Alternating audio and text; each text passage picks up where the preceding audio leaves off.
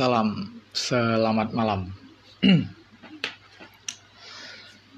Ini segmen mengendarai gelombang. Ya, segmen ini keberadaannya karena disarankan. Tapi nggak diharapkan berkepanjangan.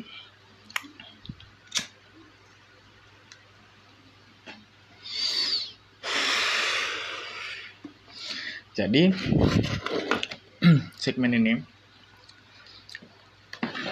aku disuruh ngomentari tentang sebuah topik yang momentumal di beberapa sosial media yang kayaknya udah ada dua atau tiga hari ini lagi hype lagi ribut-ributnya. Aku baru tahu sekarang nah yang yang nyaranin mengomentari ya udah dua atau tiga hari yang lalu lah tapi chat DM nya nggak aku baca. Rame kali soalnya di dari WhatsApp dari DM Twitter dari DM Instagram. Nyuruh lihat kan nyuruh komentar gitu. Tumben-tumben ya kan. Pikir kenapa? Ada yang kutanya karena katanya topiknya sastra gitu terus yang lain ada bilang tentang isinya tentang ada orang sok dia yang paling sastra bang. Kasih beri dulu bang. Kasih beri apa anjing kan gitu. Mau kasih tahu kalau aku lebih sastra dari kau gitu. Apa kau? Yang ianya orang nyuruh komentari karena nggak tahu kenapa kok ini problem yang bicara konteks sastra suruh dilempar orang ke aku gitu. Kayak aku pengamat sastra enggak aku kena blok Ivan Lanin loh. Aku udah mau berhenti aku nulis puisi. Mau belajar parkour aja aku. Pokoknya pas dibilang ini berhubungan sama sastra aku pikir disuruh tentang puisi kan. Terus tak ada yang nyuruh kurasi kan. Capek ngabisin umur tapi pas tadi aku tengok ya, tengok problemnya aku tengok postingannya aku bacain terus pikir anjing ini keren kali. Ya. Ini yang kutunggu-tunggu selama ini sebenarnya. Bicara soal sastra ya untuk ranah sastra ini yang kutunggu-tunggu selama ini. Karena menurutku dunia ini udah nggak butuh orang yang berkarya menambah kazana estetika segala macam enggak dunia ini butuh orang-orang yang secara terang-terangan bermain Tuhan gitu. Ya. Kalau udah muncul orang-orang yang kayak gini nature is healing aku bilang. Soalnya itu udah udah hal yang manusiawi kan. Dan udah jarang kali tunjukkan orang. Dan postingan yang disuruh aku komentari jelas-jelas nunjukkan itu. Makanya gue bilang anjing ini keren kali. Ini baru magnum opus sastra 2021 kasih backgroundnya ya. Jadi tentang uh, bahan bahannya ya bahan yang ku dapat. Jadi ada hasil screenshot DM Twitter kayaknya eh, Twitter Instagram kayaknya. Antara ada seseorang ya dan sebuah akun sastra progresif yang isinya tentang awalnya bisa dibilang tentang nego nerbitin puisi kan di akun tersebut di akun progresif sastra itu. Tapi akhirnya ya tapi isi isi DM mereka isi komunikasi mereka berakhir dengan uh, sebuah judgement lah ya. Judgement dalam arti hukuman ya, ya. hukuman dari aku yang lebih sastra dari kau ke orang yang enggak yang dianggap kau tidak sastra gitu nah aku baca aja ya. Ini dari pertama dari yang bukan akun ya anjing yang bukan akun. Maksudnya yang mau kirim puisi nih. Kalau mau kirim puisi ke sajak kofe minimal berapa puisi min? Tanda tanya. Disediakan honorkah bagi yang terbit? Tanda tanya. Admin sajak kofe membalas. Kalau kamu mau kirim berapa puisi? Tanda tanya bersedia membayar satu puisi berapa untuk diterbitkan di sajak kofe? Tanda tanya. Dibalas lagi sama yang mengirim puisi. Saya pikir media ini menyediakan honor bagi karya yang terbit karena dapat info seperti itu. Saya bertanya, saya bertanya lagi untuk memastikan. Admin sajak kopi membalas sebuah linknya https dua double slash www.instagram.com slash p slash cvvalqrpxh9 slash tanda tanya utm underscore medium sama dengan copy underscore link. Itu yang dikirimnya. Ku baca. Ya. Ternyata link tersebut mengarah atau merujuk kepada postingan sajak kofe tentang puisinya Remi Silado berjudul Aku Dengar Suara Yang Lain. Lalu saja Kofe, admin saja Kofe uh, menerangkan kenapa dia mengirim postingan tersebut. Itu puisi Oktober kemarin. Satu puisi honor 5 juta untuk karya Remi Silado. Macam banyak kali. Aku mau lah jadi Remi Silado. Lanjut, saja Kopi membalas puisi kamu bagus? Tanda tanya. Nah, di akhir, admin saja kopi membalas, karya sastra kita tidak akan maju jika puisi-puisi yang ditulis hanya ber berorientasi pada honor. Honor akan ada jika puisi dimonetisasi. Gerakan sajak kopi tanpa sponsor tunggal. Ini idealisme segelintir penyair yang studi S2 dan S3 di luar negeri dan membawa konsep puisi pasca kontemporer. Majang? Kayak tanah air. Untuk memahami gerakan ini memang butuh waktu ya minimal 3-5 tahun agar pesan yang diusung dapat dipahami oleh masyarakat perpuisian Indonesia. Uh, terutama bagi kaum penyair terpelajar. Salam tim redaktur Sejak Kopi. Keren, masyarakat perpuisian Indonesia. Golongan baru. Baru tahu aku kalau itu ada. Tapi yang paling keren di sini konsep puisi pasca kontemporer. Ya, pasca kontemporer nggak pernah gue dengar. Nah mungkin ini nge-refer ke postmodern ya. Ya jadi konsep puisi postmodern. Nah jadi karena aku pikir di awal ya orang nyuruh aku komentari tentang ini nyuruh aku untuk ya kurasi puisi kah gitu kan. Ternyata kan bukan puisi. Nah, tapi karena ada ku baca konsep puisi pasca kontemporer ya puisi posmo lah gitu. Ini kuanggap aja puisi itu ya jadi apa pun yang dibilang oleh sa admin saja kopi bakal kuanggap puisi ya bakal kukurasi sah-sah aja dalam dalam posmo apa yang mau ku bilang puisi sah-sah aja sebenarnya. Hmm. jadi ini puisi ya. Ini puisi dari admin saja kopi dari awal kan bisa gitu kan? Tapi pada mengkurasi bisa dari itu kalau kamu mau kirim berapa puisi? Nah itu kan merujuk sebagai balasan dari pertanyaan si peng, uh, si yang mau kirim puisi. Yang sebelumnya kalau mau kirim puisi ke sajak kofe minimal berapa puisi min? Tanda tanya kan itu. Kan dibalas sama admin sajak kofe kalau kamu mau kirim berapa puisi? Kan bentuknya kayak admin saja kopi mau bilang ini over kan. Hmm. berarti memang ada keboleh jadian mengirim puisi ke sajak kopi nah ini menurutku ya kalau bicara soal pakem normatifnya merupakan cara yang aneh untuk menjawab sebuah pertanyaan kan. Menjawab pertanyaan dengan pertanyaan lain. Nah Lanjutan, lanjutan dari puisinya admin Sajak Kopi. Bersedia membayar satu puisi berapa untuk diterbitkan di Sajak Kopi? Nah, aku suka kali bagian ini sebenarnya. Hmm. Nampak kali posmonya. Ya.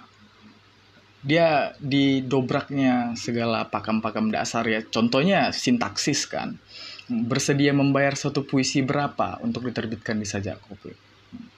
Padahal bisa lebih jelas dibilang kalau bersedia membayar berapa untuk satu puisi agar diterbitkan di sajak kopi. Tapi karena ini pu puisi posmu nggak apa-apa. Nah, berarti kan pertanyaan kedua ya dari admin sajak kopi itu bicara soal ini yang mau ngirim puisi ini kalau memang mau diterbitin berani bayar berapa kan gitu saja ke akun sajak kopi. Nah, Uh, sedangkan pertanyaan sebelumnya itu disediakan honorkah bagi yang terbit? Nah, itu yes no question gitu pertanyaan iya dan tidak tapi tetap dibalas dengan pertanyaan. Nah, dan pertanyaannya berlawanan kan? Berlawanan dalam arti malah dibalas malah malah dibalikkan itu. Aku mau kalian bayar berapa? Enggak enggak. Kami yang mau kau bayar berapa? Kan gitu Nah, ya kalau misalnya dipikir-pikir bicara soal bagaimana dunia perpuisian ya di negara ini yang tipikalnya orang ngirim puisi bakal diposting sama media ya si orang itu yang bakal dapat monetasi kan itu bakal dapat uangnya bakal dapat gajinya. Tapi ini malah media itu yang yang dapat bayaran. Keren kan sebenarnya Hmm. Lanjut, admin saja kopi ngirimkan link tadi kan, dah. Lalu ngasih penjelasan. Itu puisi Oktober kemarin. Satu puisi honor 5 juta untuk karya remisi ladu. Ya, ada uh, nomina di situ. Dikasih nominalnya 5 juta. Tapi nggak diperjelas ini 5 juta apa? 5 juta rupiah kah? 5 juta kecup kening kan bisa gitu.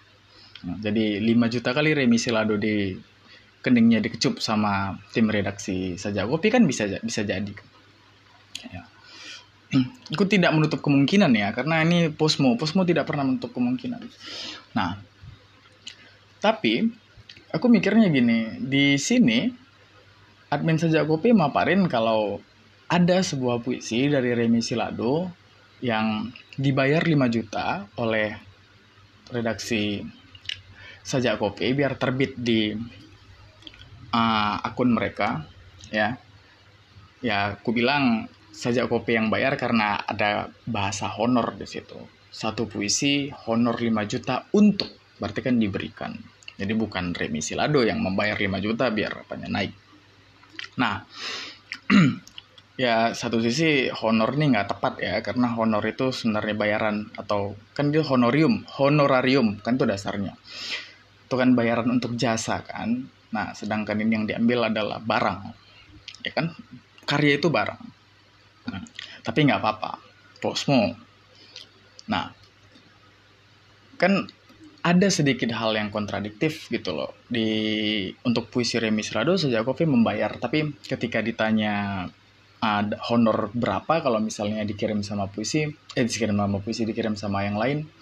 Admin saja Kopi malah balas uh, kau yang bisa bayar kami berapa kan gitu.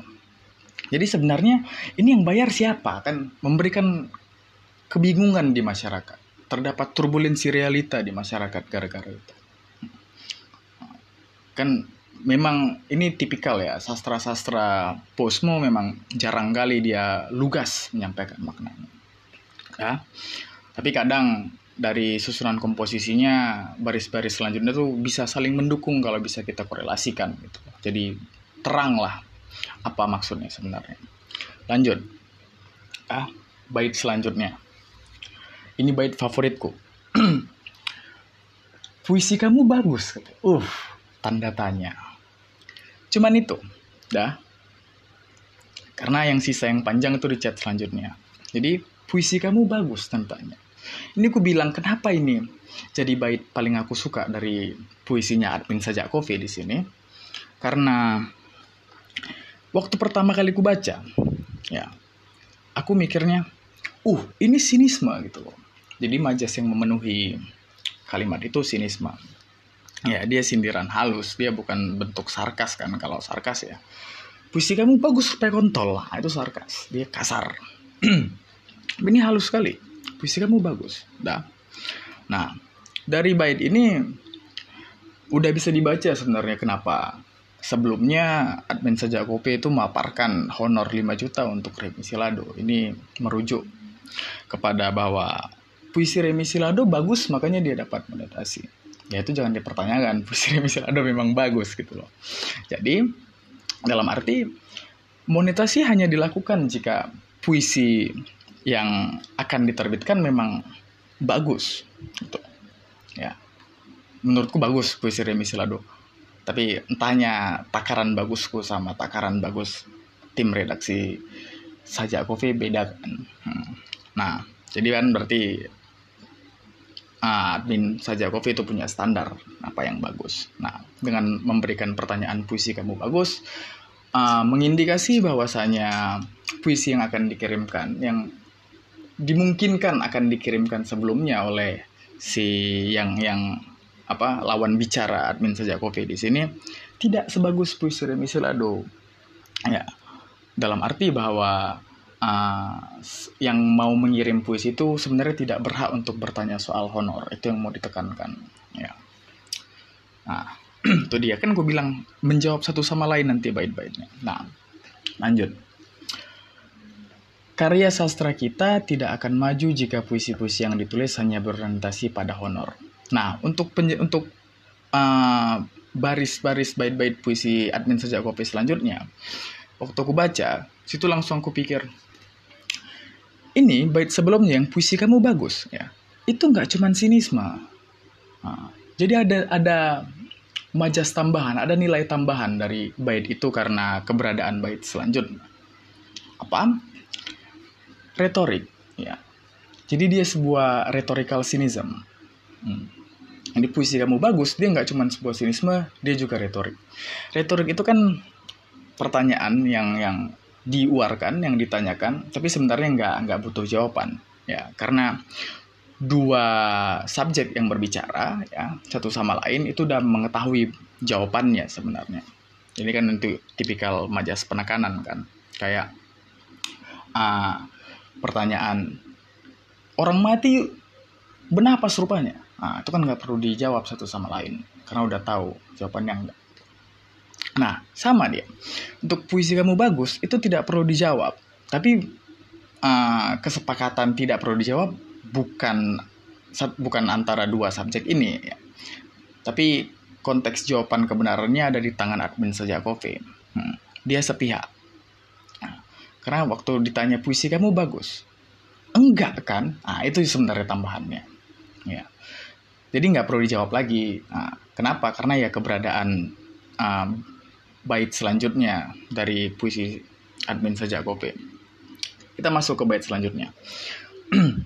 Banyak di sini yang bisa digodok. Karya sastra kita tidak akan maju jika puisi-puisi yang ditulis hanya berorientasi pada honor. Itu yang pertama. Ya.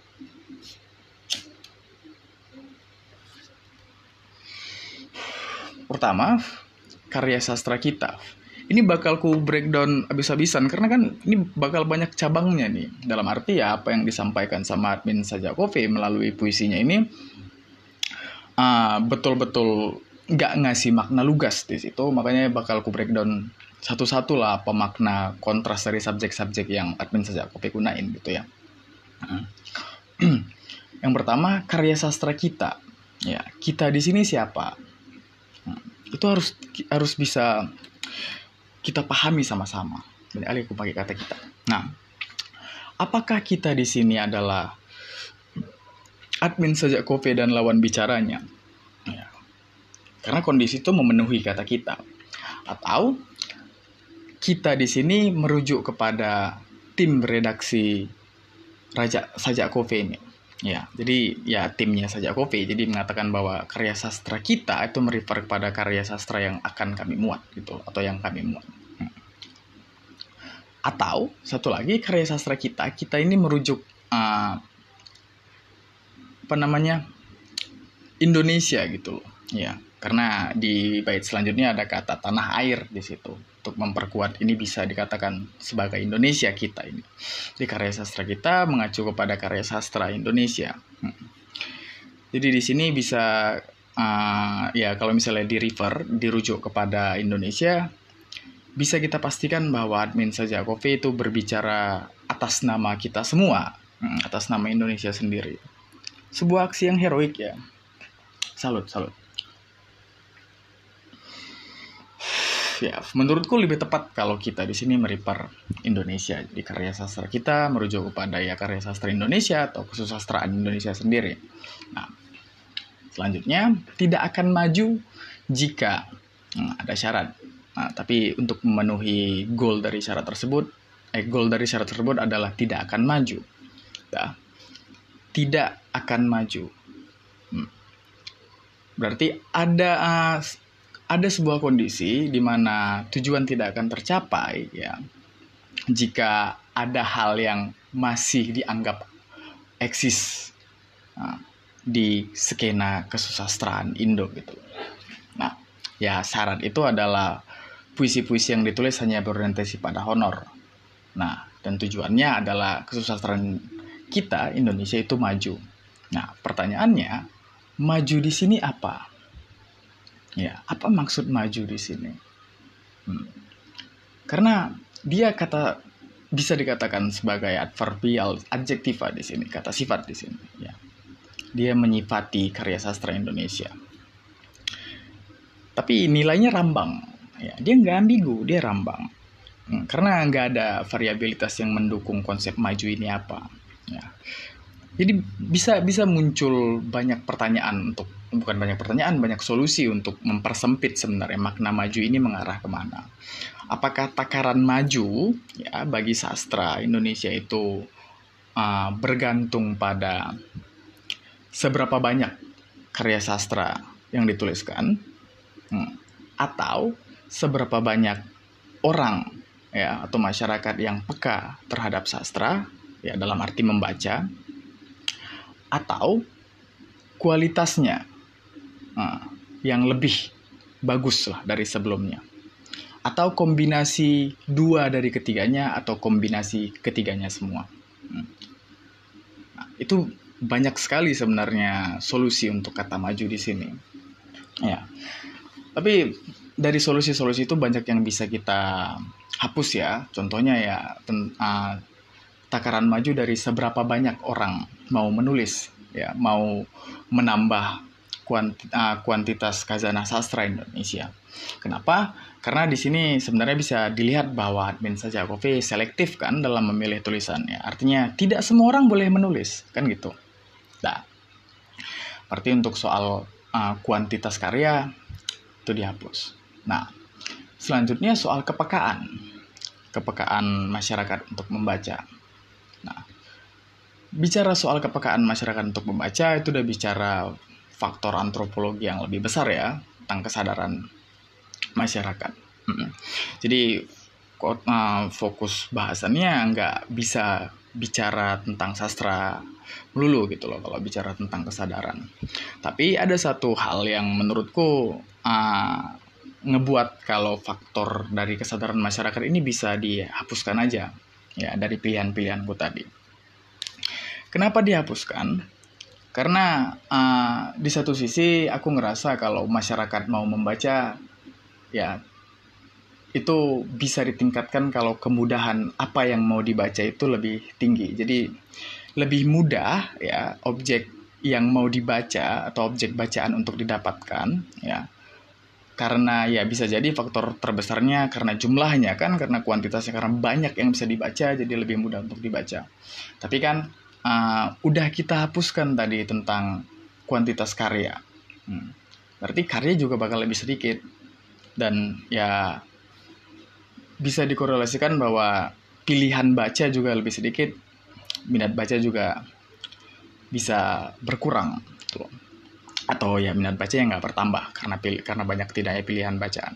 Nah, artinya nah, uh, pilihan bahwa maju di sini adalah kesadaran masyarakat untuk membaca itu bisa kita hapus Nah, jadi pilihan terakhir adalah bicara soal kualitas. Nah, jadi maju di sini berarti kualitasnya meningkat. Karya sastra Indonesia tidak akan meningkat jika puisi-puisi yang ditulis hanya berorientasi pada honor. Itu.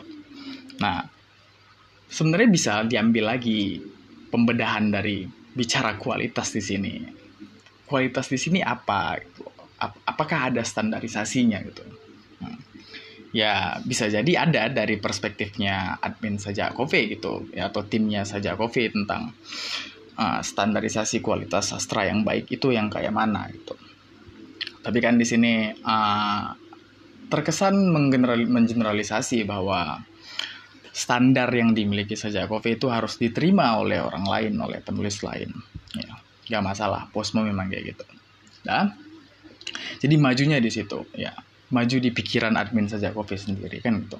Dah, lanjut. Jika puisi-puisi yang ditulis hanya berorientasi pada honor, Nah, kan itu syaratnya, dikasih sama saja oke. Ini ku jelasin nanti ya, maknanya apa. Ku lanjut aja dulu. Honor akan ada jika puisi dimonetisasi. Nah, ini bagian paling menarik karena ini bisa dijelaskan uh, salah satu metode pembedahan puisi yang memuakkan menurutku ya. Ya. Itu namanya heuristik. Jadi ini bisa dijelaskan dengan heuristik lebih enak hermia, hermeneutik daripada juristik menurutku. Nah, sini kan dia uh, admin saja kopi bilang honor akan ada jika puisi dimonetisasi. Nah, kalau ini misalnya kita baca tanpa konteks, ini uh, hal yang aku bilangnya ya memang lah gitu loh, hal yang obvious gitu kan. Honor akan ada jika puisi dimonetisasi. Ya, puisi yang dimonetisasi artinya dia ditakar dengan harga uang. Dan uang itulah berupa honor. Ya udah jelas. Jadi ngapain memperjelas? Ya. Nah, bukan ngapain memperjelas. Kenapa memperjelas gitu? Nah nah tapi itu tadi aku bilang ini bisa ini bisa dimaknai bisa didapatkan makna sebenarnya kalau kita lakukan heuristik. Honor akan ada jika puisi dimonetisasi ya kalau dikembangkan kalimatnya diperjelas dia jadi honor akan ada jika puisi yang diterbitkan dimonetasi oleh kami. Hmm. Gerakan saja kofe. Ya. Jadi konteks monetasinya bukan monetasi general. Nah, makanya kalimat honor akan ada jika puisi dimonetasi, ya itu bukan cuma kalimat yang menjelaskan uh, subjeknya sendiri gitu, menjelaskan iya subjeknya sendiri ya. Tapi lebih ke menekankan uh, laku yang dilakukan oleh gerakan sejak kopi yaitu monetasi ya yang yang dimonetasi adalah sebuah puisi yang pada akhirnya bentuk monetasi itu akan menjadi honor kepada yang menulis puisi tersebut.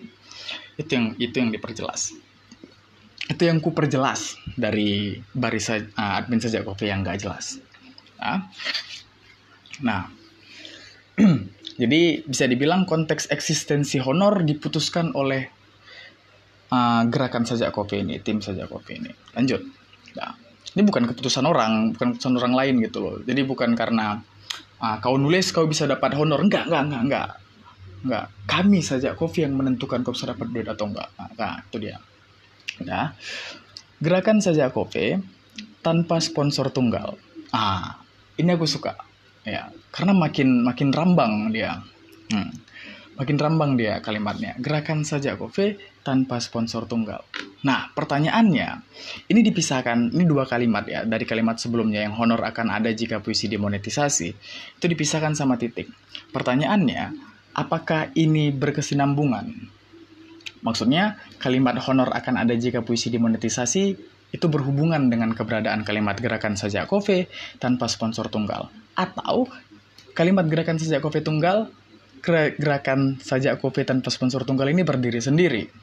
Ya, dia saling lepas sama kalimat sebelumnya.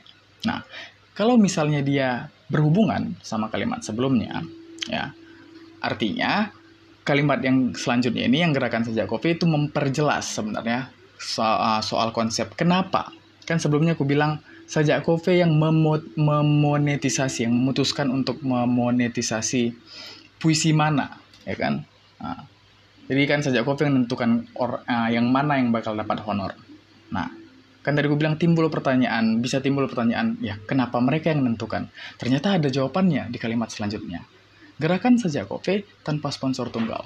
Dalam arti, gerakan Sajak Kofe atau kami, koma, gerakan Sajak Kofe hmm, merupakan gerakan yang bergerak atau yang op, yang pengoperasiannya ya dapat terjadi jika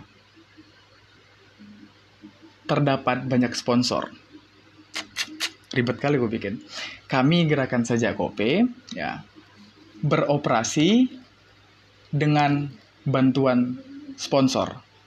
Yang mana sponsor tersebut bukan merupakan sponsor tunggal. Artinya, gerakan saja kopi bisa aktif, bisa bernafas ya. Jika ada orang yang mau sedekah, kan gitu. Kayak orang habis chip aja. Nah, dan orang dan dan penekanan soal sponsor tunggal artinya bisa di bisa diartikan kalau sponsor tunggal ini bukan karena sumber daya kami sendiri, nah, tapi ada yang membantu kami hmm, untuk uh, apa mengisi kas kami lah buat bayar honor atau apa segala macam. Nah itu dia. Nah kenapa aku bilang ini memperjelas uh, kalimat sebelumnya ya memperjelas kalimat sebelumnya kalau misalnya dihubungkan. Karena gini, nah bicara soal kalimat sebelumnya honor akan ada jika puisi dimonetisasi, ya itu kan uh, mengartikan kalau ini puisi memang memang bakal dibayar, tuh. Uh, tapi kan dibayarnya nggak sembarangan, dah. Nah, dan konteks dibayar tidak sembarangan itu itu didukung sama keberadaan tanpa sponsor tunggal, ya. Jadi memberikan implikasi bahwa ini keberadaan sejak Kofe ya tidak didanai oleh satu orang aja. Jadi bisa jadi ada banyak kepala yang mendanai sejak Kofe. Artinya dalam pengambilan keputusan puisi mana yang bakal dinaik, bakal naik kan, nah, dan dibayar oleh para pendana ini, ya, ya itu artinya akan melewati banyak kepala. Nah, jadi bukan keputusan mereka sendiri. Nah, dengan demikian, karena banyak kepala yang harus menggodok ini puisi layak terbit atau enggak, ya kan melalui saja kopi nah itu artinya honor tidak sembarangan dibayarkan oleh akun atau gerakan saja kopi ini. Itu dia. Nah, nah itu kalau misalnya uh, dihubungkan ya dua kedua kalimat dua kalimat ini.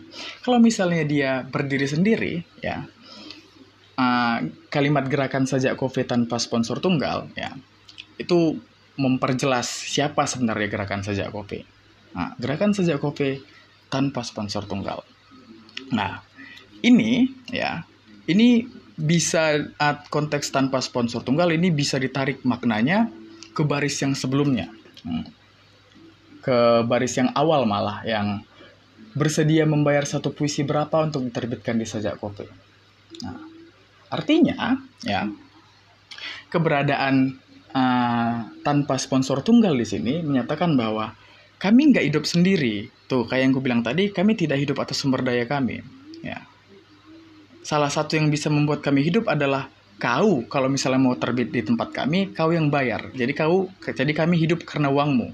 Nah, jadi itu bisa merujuk kepada konteks tanpa sponsor tunggal. Kalau misalnya kalimat gerakan saja kopi tanpa sponsor tunggal itu dipisah dengan kalimat sebelumnya. Hmm. Jadi memperkuat sebenarnya apa maksud admin saja kopi nanya kau bisa bayar berapa kan gitu. Nah, kan gue bilang kan ah, puisi posmo kok bisa dapat jawabannya di baris-baris selanjutnya. Dah, lanjut. Ini idealisme segelintir penyair yang studi S2 dan S3 di luar negeri dan membawa konsep puisi pasca kontemporer ke tanah air. Nah, ini kata tunjuk kan kata tunjuk dekat biasanya. Nah, tapi kan ini lebih ke arah bicara kata tunjuk terhadap suatu subjek yang sebelumnya telah diutarakan. Nah, tapi menimbulkan pertanyaan lagi ya. Posmo, kata ini ya merujuk kepada yang mana? Apakah merujuk kepada honor akan ada jika puisi dimonetisasi. Jadi bisa kita bisa aku perjelas dengan honor akan ada jika puisi dimonetisasi. Hal ini yang yang mana merupakan idealisme segelintir penyair yang studi S2 dan S3 di luar negeri. Ya. Jadi idealisme penyair yang studi S2 dan S3 di luar negeri dan membawa konsep, oh itu nanti aja dibicarain.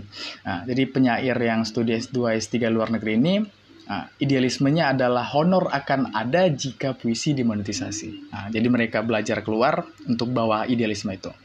Atau ya solusi lain gerakan saja kofe tanpa sponsor tunggal nah, merupakan idealisme segelintir penyair yang studi S2 dan S3 di luar negeri. Nah, jadi kuliah S2 S3 luar negeri pulang bawa idealisme gerakan saja kofe tanpa sponsor tunggal. Nah, apakah yang itu?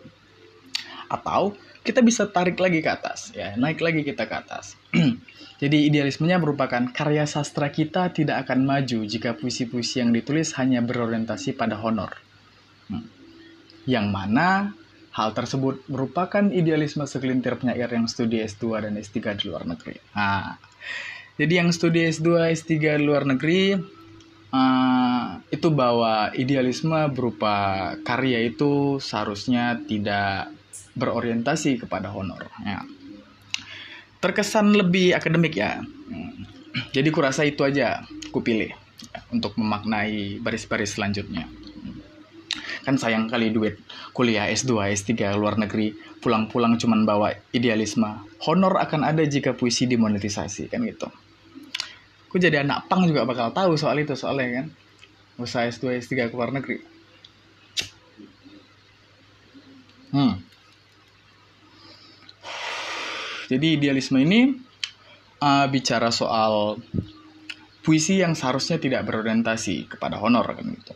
Oke. Lanjut. Idealisme segelintir penyair yang studi S2 dan S3 di luar negeri dan membawa konsep puisi pasca kontemporer ke tanah air. Nah, itu itu bagian selanjutnya dan membawa. Berarti yang studi S2 S3 di luar negeri ini membawa konsep puisi pasca kontemporer ke tanah air ya itu yang ku ketawain tadi konsep puisi pasca kontemporer hmm.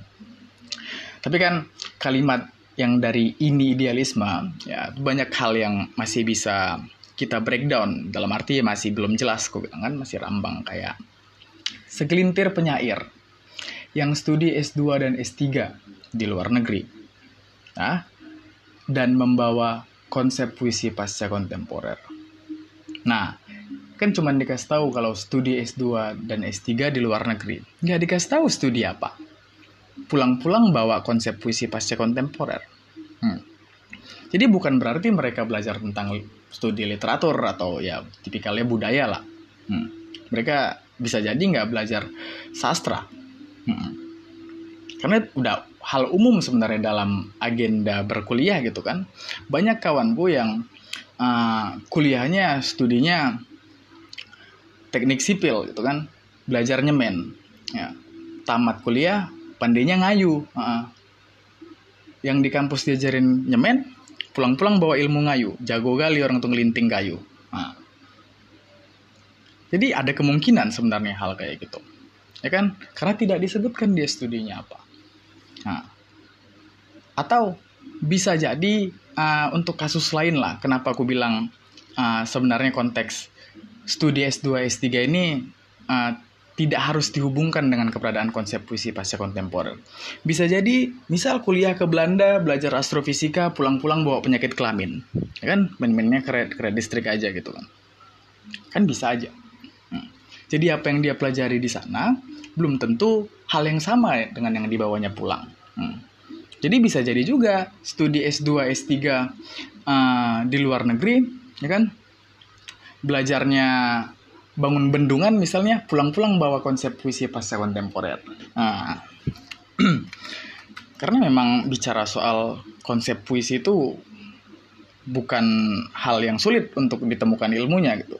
Jadi orang yang tidak studi di situ pun bisa gitu, ya. Nah, Jadi aku kasih pilihan lah sebenarnya ini konteks yang dibicarain apa. Kita jadi aku jadi lebih imajinatif. Ya gara-gara cuman ngebaca ini aja. Keren keren kali puisi ini. Dah lanjut. Oke lah. Ya kita aku kasih kesepakatan. Ya aku menyepakati diriku agar uh, menyetujui apa yang dikatakan oleh puisi ini terhadap segelintir penyair yang studi S2 dan S3 di luar negeri gitu dan ketika mereka pulang mereka bawa konsep puisi pasca kontemporer. Ya mereka di luar negeri belajar puisi mereka belajar sastra. Ku aminkan itu. Jadi apa yang mereka tabur itu juga yang mereka tuai. Ya kan? Prinsip tuai tabur. Biblikal kali keren. Ini konsepnya diambil dari Alkitab gitu loh. Sebuah karya sastra yang udah lama kali tapi dipakai di era modern. Gak ingat dia mas uh, ingat dia sama sejarah. Suka Soekarno pasti sama puisi kayak gini. Oke? okay? nah ayo kita bicara soal pasca kontemporer jadi bait-bait selanjutnya itu untuk penambahan aja menurutku ya karena ya bait selanjutnya untuk penekanan kembali ya untuk memahami gerakan ini memang butuh waktu ya minimal 3 sampai 5 tahun agar pesan yang diusung bla bla bla bla bla bla bla. Yang yang menurutku perlu difokuskan di sini bicara soal pasca kontemporer di sini. Ya, kenapa menggunakan uh, diksi pasca kontemporer. Kenapa aku bertanya kayak gitu? Karena tadi aku bilang kan, ya, ini bakal ku refer, bakal ku ganti sebagai pasca modern. Sebelumnya aku banyak bilangnya ini puisi posmo posmo. Jadi pasca kontemporer ini ku anggap merujuk kepada postmodern. Kenapa? Karena pasca kontemporer itu nggak ada. Iya. Pasca kontemporer itu bukan sesuatu bahkan. Nah, penggunaan prefix pasca digabungkan dengan uh, kata kontemporer itu nggak akan membentuk sebuah morfem yang baru yang punya makna eksklusif gitu yang punya makna tersendiri. Nah, karena keberadaan kontemporer memang nggak memenuhi syarat untuk dikasih pasca atau pra, dikasih prefix waktu. Hmm. Tapi kalau misalnya ya yang uh, dewasa ini ya kan kata kontemporer itu juga bersinonim dengan kata modern. Nah, bersinonim dia. Dia punya kedekatan makna. Tapi dia bukan punya uh, makna fungsional yang sama, modern dan kontemporer itu. Makanya aku bilang, ada kemungkinan bahwa kata kontemporer di pasca kontemporer adalah diksi yang digunakan untuk menggantikan kata modern. Dengan demikian, pasca kontemporer memiliki makna yang sama dengan pasca modern. Nah, itu dia. Nah, nanti ku jelaskan kenapa kontemporer itu harus tunggal. Dan kenapa pasca modern itu tidak bisa disamakan dengan pasca kontemporer. Nah, lanjut dulu. Ini ada yang gue suka. Konsep puisi pasca kontemporer atau pasca modern. Konsep puisi pasca modern. Jadi segelintir penyair yang kuliah S2 S3 di luar negeri itu membawa konsep puisi pasca modern tadi. Nah, jadi mereka belajar di sana, dibawa ke sini, ke tanah air ya kan. Ya biar diperkenalkan lah dengan kazanah sastra perpuisian Indonesia. Ya diperkenalkan kepada masyarakat perpuisian Indonesia kalau inilah masa depan sebenarnya kan gitu. Ya.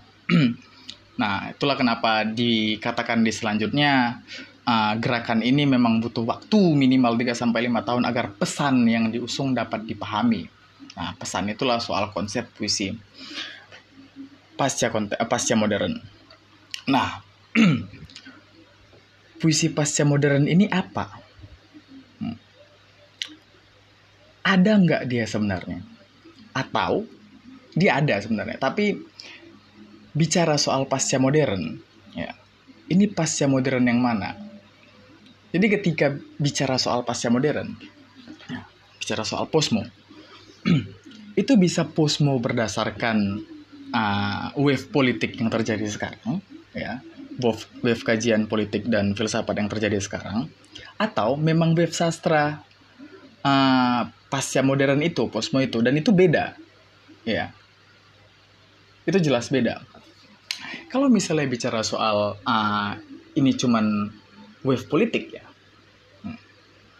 konsep puisi posmo ini wave politik artinya konsep-konsep puisi yang lahir di era posmo yang sekarang nah, yang dianggap era posmo mungkin ya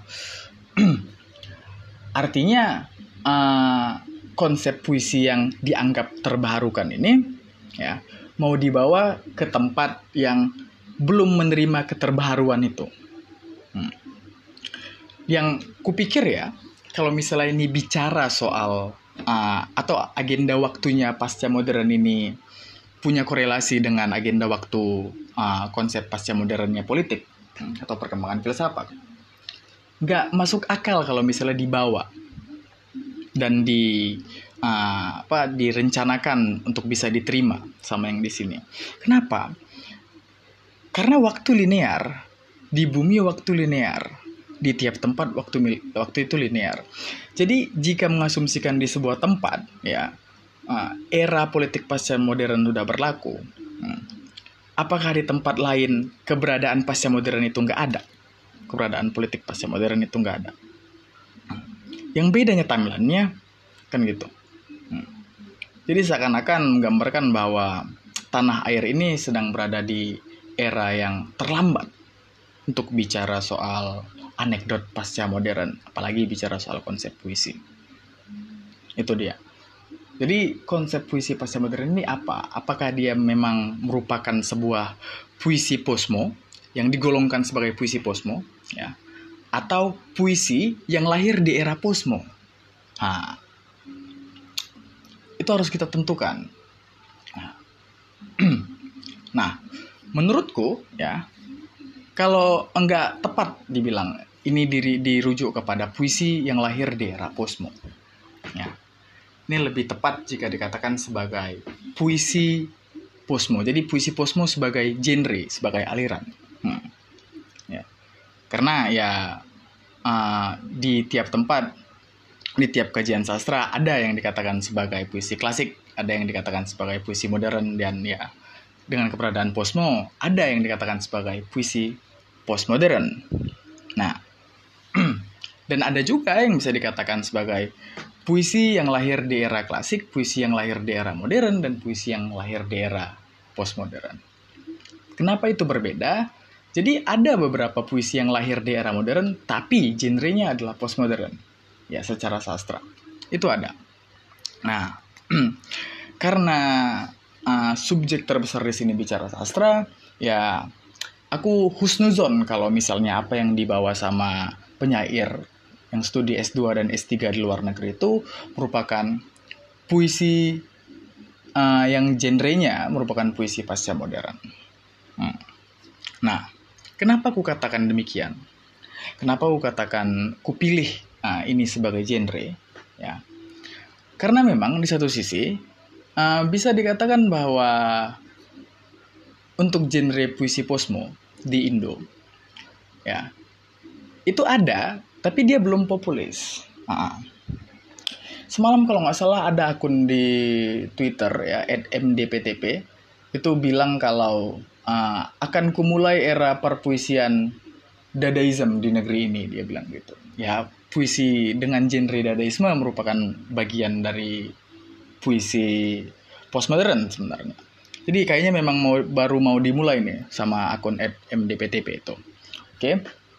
Ya itu itu salah satu contohnya. Jadi memang ada triggernya kalau belum populer di sini ya. Jadi tanah in, tanah air ini belum tahu kalau ada salah satu genre yang baru ya, untuk skena puisi. Jadi memang ini hal baik ya kan mau menambah kazana. Ya. Nah, sekarang kita bicara soal puisi posmo itu, puisi genre posmo itu. Nah, puisi genre posmo ya. Ini apakah dia sebuah terminologi absolut? Ya, dalam arti memang ada sesuatu ya yang secara general, yang secara mondial, secara global bisa dikatakan sebagai puisi posmo. Nah, atau dia memiliki pakem-pakem yang menunjukkan bahwa inilah puisi posmo. Yang nggak kayak gini nggak posmo. Ya, dia punya syarat ABCD sekian. Kalau nggak memenuhi semuanya dia bukan posmo. Pertanyaannya ada nggak? Nah, bicara soal tentang animo sastra, bicara tentang skena sastra dunia, ya, uh, pemaksaan pattern, aku bilangnya pemaksaan pattern, ya, atau ya ditentukanlah pakem-pakemnya apa yang dibilang modern, apa yang dibilang baru segala macam. Itu terjadi gitu loh. Terjadi kenapa? Karena ya intrik kapitalisme. Karena apa yang paling populis dan yang populis itu dianggap baru, ya jelas bakal dijadikan kiblat kan. Nah, kenapa? Karena konsumennya banyak. Kalau konsumennya banyak artinya apa? Uang. Kan gitu dan makanya itu dipertahankan ya sekian masa, sekian periode, sekian tahun ya dan kebertahanan konsep yang demikian yang menghasilkan uang itu ya bakal dijadikan sebagai hal yang terbarukan. Dalam arti kemungkinan untuk keberadaan konsep puisi posmo ya yang memiliki pakem itu ada. Ya, generalnya. Nah, nah problemnya adalah dari Posmo dengan pakem general ini ini di ini didapatkan kan oleh segelintir penyair yang studi S2 S3 ke luar negeri ya mereka mendapatkan ilmu itu mereka bawa ke sini dan mau di uh, uarkan mau diinformasikan ke masyarakat tentang hal ini gitu Nah, menurutku konsep yang kayak gini ya pemaksaan general ini Hmm, pemaksaan sebuah budaya kan bicara soal sastra sastra itu kan dia mesin bahan bakar kinerja dan ampas dari budaya sendiri kan gitu hmm. jadi keberadaan kompleksitas dinamika budaya dalam bentuk sastra itu mau diarahkan ke satu patokan aja ke satu jalan aja hmm. Artinya sastra nggak nggak dibiarkan buah meledak sebebas mungkin gitu. Nggak nggak dibiarkan sastra untuk berevolusi ke arah mana pun. Tapi tujuannya udah didapatkan udah ditentukan. Apa ya uh, konsep puisi posmo yang ku bilang tadi yang memenuhi pakem-pakem global itu? Nah apakah hal tersebut memang mungkin dilakukan aku pesimis sekali orangnya sebenarnya hmm. aku suka jilatin pantat Schopenhauer ya menurutku nggak ada jawaban bisa atau tidak untuk yang kayak gini ya hmm. bisa nggak sesuatu yang belum tentu variabelnya bisa memenuhi target A itu bisa mencapai target A kan gitu nah tapi ya keberadaan sas, uh, kesusastraan di sini itu sifatnya stokastik dia dia memiliki probabilitas dia memiliki kemungkinan kan untuk mengarah ke segala uh, tujuan evolusinya Ya, dengan kata lain, memang ada kemungkinan kalau uh, budaya kesusastraan kesusastraan di sini bakal mengarah ke konsep posmo yang terpakem tadi. Ya. Ya, artinya memang segala bentuk progres sastra di sini memang ditujukan mengarah ke sana. Hmm. Nah, karena kemungkinannya ada, ya, tapi menurutku sulit Ya, kan dikatakan 3 sampai 5 tahun. Oh, berat lah kalau misalnya 3 sampai 5 tahun cuma dikampanyekan sama segelintir penyair yang studi S2 dan S3 di luar negeri gitu. Ya. Karena ini kan uh, tujuannya adalah mencapai sebuah uh, otoritarian yang baru kan, ya konsep sastra ini. Hmm. Jadi kalau memang mau dilakukan ya, memang dilakukan mengarah kepada konsepsi sastra posmo yang terpakem ya kusarankan kawan-kawan ko, uh, sajak kofe bekerja sama dengan pemerintah. Iya. Uh, sebagai ruler utama kan, hmm, tawarkan kepada pemerintah kami punya solusi tentang uh, kesusastraan yang lebih maju dari yang bakal bisa memajukan progres sastra tanah air ini, itu kan. Nah, dan pemerintah kalau memang pemerintah setuju sama konsep sastra posmo yang terkonsep yang terpakem itu uh, saranku selanjutnya kepada pemerintah adalah melakukan uh, atau memberadakan ya sebuah kondisi yang kondisi tersebut dari bahasa Rusia yang merupakan kata dari bahasa Rusia favoritku samizdat ya. Jadi samizdat itu artinya self publishing jadi di era perang dingin dulu nggak tahu dari era perang uh, sebelum perang dingin udah ada atau enggak nah eh iyalah pokoknya sebelum sebelum Uni Soviet pecah tuh ya sebelum Uni Soviet runtuh jadi Rusia jadi dulu ada istilah samizdat. Jadi samizdat itu adalah karya-karya sastra yang dipublish sendiri oleh uh, orang oleh masyarakat ya. Dikarenakan mereka punya restriksi tentang apa saja yang boleh dicetak ya jadi pemerintah punya rule apa dan uh, apa yang boleh dan apa yang nggak boleh dicetak Nah, jikalau pemerintah tanah air ini menyepakati hal tersebut ya, mem membuat program Samistad itu, artinya ya pemerintah akan ngebuat rule, ngebuat daftar apa-apa aja yang boleh dicetak, apa-apa aja yang enggak. Nah, ya gunanya apa? Nah, hal-hal syarat-syarat tersebut itu bakal merujuk kepada uh, tujuan dari uh, sastra posmo tadi. Berdasarkan itulah kriterianya dibuat. Jadi ketika itu diberlakukan, ya dikontrol sama pemerintah, hasilnya apa? Hmm. Hasilnya ya progres sastra akan mengarah ke tujuannya secara direct, secara langsung kan. Nah, maka tercapailah cita-cita uh, dari segelintir penyair yang studi S2 dan S3 di luar negeri. Ya, untuk apa namanya membuat pemahaman baru ya kepada masyarakat perpusian Indonesia tentang ada konsep yang lebih uh, mutakhir lah. Dan itulah dia uh, puisi posmo. Nah, itu salah satu solusi gue tawarkan. Kalau memang mau menuju cita-cita yang mulia itu. Hmm. Kenapa aku ngasih saran ya untuk uh, gerakan sajak kofe dan kepada pemerintah ya kalau misalnya kawan-kawan sajak kofe mau ya kan, merekomendasikan programnya kepada pemerintah. Karena memang gue tengok rencana mulia saja COVID ini uh, optimis sekali kan? Karena mereka punya target di bawah dikatakan bahwa minimal 3 sampai 5 tahun. Ya minimal mereka punya target mereka punya angka gitu loh. Ya dan angka itu penting di statistik ya dan apalagi ini di, dikatakan di puisinya admin saja Kofi kan di sini ya minimal 3 sampai 5 tahun agar pesan yang diusung dapat dipahami oleh masyarakat. Nah, dan kenapa aku bilang penting 3 sampai 5 tahun itu? Ya, aku selalu bilang kalau ngebedain puisi sama prosa itu gampang. Prosa itu sekumpulan kata dalam bentuk terbaiknya. Kalau puisi sekumpulan kata terbaik dalam bentuk terbaiknya. Artinya tiap kata dalam puisi itu punya makna. Dia penting. Dia dia nggak cuma ornamen. Makanya angka 3 sampai 5 tahun ya itu bukan cuman prediksi semata, itu udah target sama mereka. Itu udah menunjukkan kalau inilah optimisme kami. Nah, itu dia.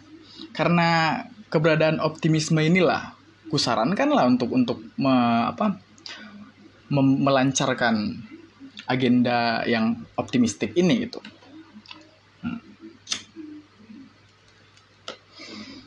Tapi kalau misalnya ada yang bilang kesannya tapi memang kesannya kalau memang pemerintah ambil turun tangan lah dan dan bikin program Samisdat itu ya demi cita-cita uh, tercapainya konsep puisi posmo ini kesannya fasis sekali kan. Jadi optimisme yang fasis gitu ya. Gak cuman tadi kan gue bilang Soekarno suka kan karena nengok sejarah. Hitler juga suka ini. Ya konsep yang kayak gini. Bahkan ada dua tokoh nih yang bakal suka sama konsepsi yang seperti ini ya. Jadi optimisme yang fasis. Ya walaupun uh, kita udah sama-sama tahu ya ada sebuah karya sastra Indo yang yang momentumal ya yang lebih penting dari puisi Pukima ini ya puritan dari homicide yang bilang fasis yang baik adalah fasis yang mati. Tapi ya ada kemungkinan bahwa ya sebagaimana budaya posmo ya segalanya hanyalah tekstual kan? Hmm, bergantung interpretasi dan persepsi kan. Ya bisa jadi konsep fasis yang baik adalah fasis yang mati bagi kawan-kawan yang menyepakati soal postmodernisme ini. Ya menginterpretasikan konsep mati ke arah yang lain kan. Hmm. bisa aja di mereka bilang mati yang dianggap baik untuk fasisme itu bernilai sebenarnya hidup sama mereka gitu. Jadi fasis yang baik adalah fasis yang hidup. Ada kans kenapa enggak ya? Kan kayak yang ku bilang tadi. Tidak tidak ada kemungkinan satu makna sebenarnya bagi posmo. Jadi ya sah-sah aja aku bilang kayak gitu atas nama posmo. Nah, itu kalau misalnya bicara konsep posmo yang general, ya karena ada juga konsep posmo yang gak general. Hmm, dia lokal. Ya dia nggak global dia lokal. Nah kenapa aku bilang ada yang lokal? Ya. Jadi memang untuk budaya sastra ya berkembangnya sastra di satu tempat ya. Kayak di sini ya. Kayak di Indo misalnya. Ya salah satu dasar kurikulum pelajaran bahasa Indonesia di sekolah-sekolah pasti dipisahkan mana puisi modern mana puisi klasik kan. Hmm. Dan yang membedakan modern sama klasik simpel bentuk bentuk puisinya. Dan sebenarnya itu nggak cuma di Indonesia, di tempat lain, di negara lain, di mana pun, ya konsep memisahkan mana klasik, mana modern itu memang dari bentuk paling umumnya.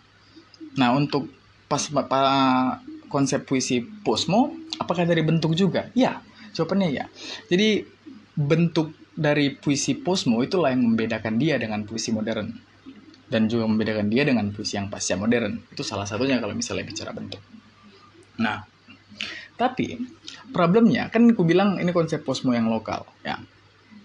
Artinya uh, keberadaan atau munculnya ranah puisi posmo ini atau genre puisi posmo ini di tiap tempat, ya. Itu nggak bisa disamakan sama keberadaan puisi posmo di tempat lain. Kenapa? Karena bicara soal perubahan bentuk ya antara klasik, modern dan posmo ya itu baru bergantung waktu. Dia dia temporal kan gitu. Nah dan dia punya timelinenya masing-masing dalam arti uh, transisi dari klasik ke modern di satu tempat ya itu nggak bersamaan dengan klasik ke modern di tempat lain. Hmm. Kenapa? Karena berubahnya klasik ke modern ya uh, atau keberadaan modern sendiri Ya, itu hasil rekurasi dari apa yang terjadi di klasik kan. Hmm. Bisa pengembangan, bisa perbaikan segala macam. Jadi karena merefleksi kepada sastra klasiknya, puisi klasiknya, hmm, ya mudahnya aku bilang didobraklah pakem klasik tadi, muncullah modern. Nah, dan didobraklah modern, muncullah pasca modern. Nah, kondisi pendobrakan pakam-pakam ini ya, antar pakam ini, hmm, ya variabelnya bicara variabel budaya tadi. Ya. Dan artinya dia nggak simultan karena shifting budaya di tiap tempat juga bakal beda-beda kan. Hmm.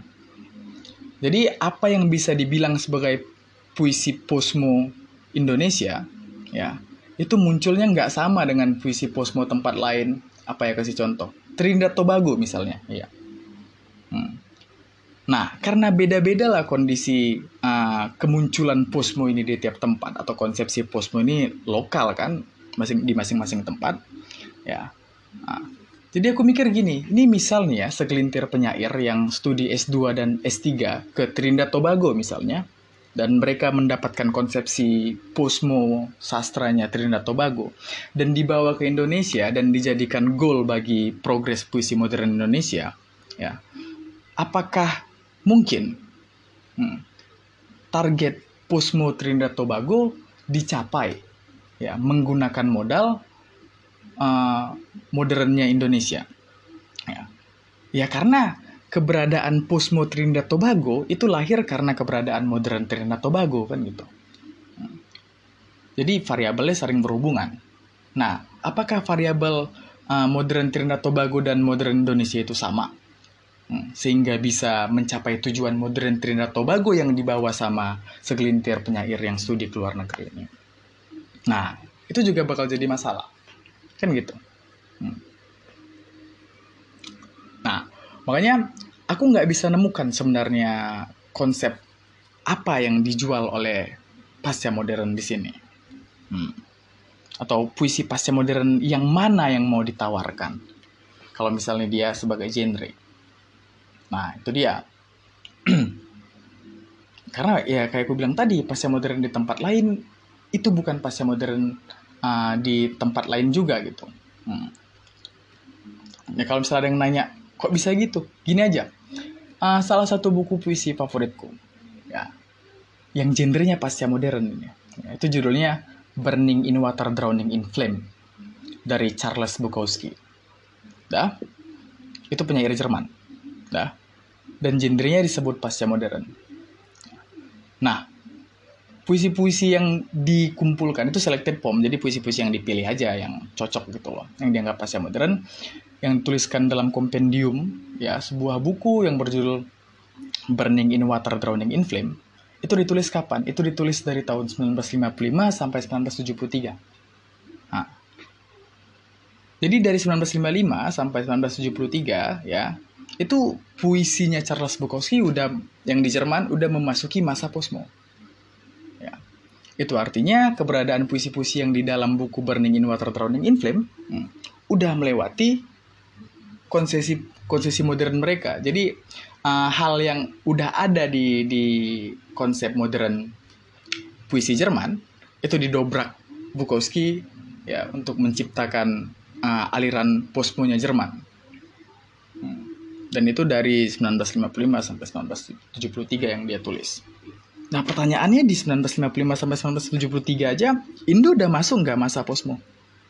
Sastranya udah bisa dibilang masuk sastra uh, genre posmo kah kan gitu. Nah itulah kenapa kalau misalnya ini bergantung kepada linearnya waktu ya. Uh, puisi Charles Bukowski dari tahun 55 udah bisa dianggap posmo. Sedangkan di Indo Nah, kalau misalnya disamakan, Indo udah bisa, udah juga masuk posmo. Itu artinya untuk apalah segelintir penyair itu kuliah S2, S3 ke Trinidad Tobago misalnya aku bilang tadi, ya, untuk membawa konsepsi posmo lagi balik. Padahal tahun 55 Indonesia kan udah lewat kan tahun 55. Nah, hmm, aku nanya ya, eh, untuk untuk apa yang memperjelas, udah lewat kan? Nah, berarti kan Indonesia udah masuk posmo. Terus kenapa lagi mau dibawa posmo? Nah, itulah kenapa aku bilang di tiap tempat kondisi posmonya itu beda-beda. Nah, jadi kan ada asumsi kalau para scholar ini, para penyair ini, segelintir penyair ini kuliah S2, S3 ke luar negeri, ngebawa konsep posmo ke Indonesia, dalam arti ya, kalau di Indonesia belum masuk eranya posmo. Nah, itu dia. Mulia sekali. Tapi tetap problemnya kayak yang ku bilang tadi, masalahnya apakah tepat ya posmo yang dibawa ini posmo yang tepat kah? Kan gitu. Hmm. karena kalau dia nggak tepat sasaran kan bisa chaos kan? Nah, jangan sampai kita mengarah ke arah yang lebih menyesatkan lah dibandingkan cita-cita kawan-kawan Posmo dan kawan-kawan sajak kopi ini kan. Karena mereka punya visi.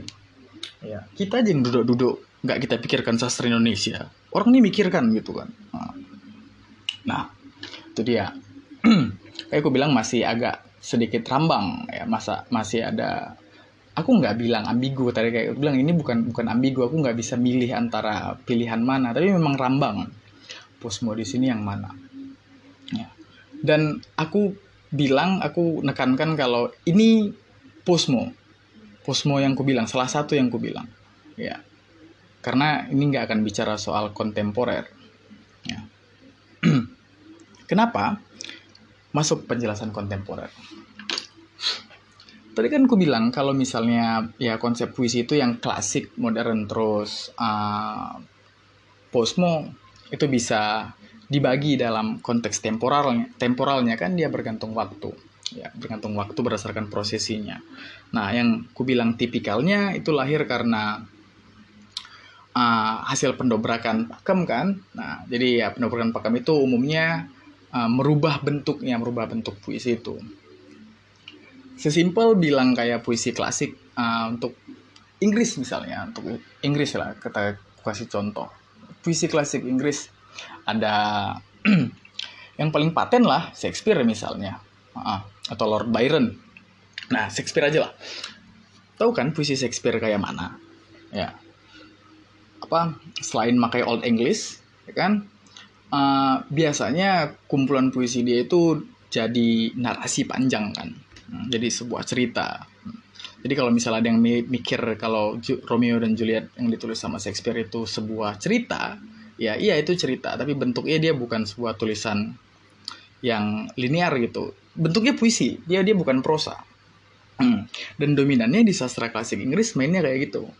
Nah, Jadi puisi-puisinya itu dominan disampaikan ya, di ditampilkan ya kepada masyarakat, dipirsakan ke masyarakat dalam bentuk drama, dalam bentuk teater.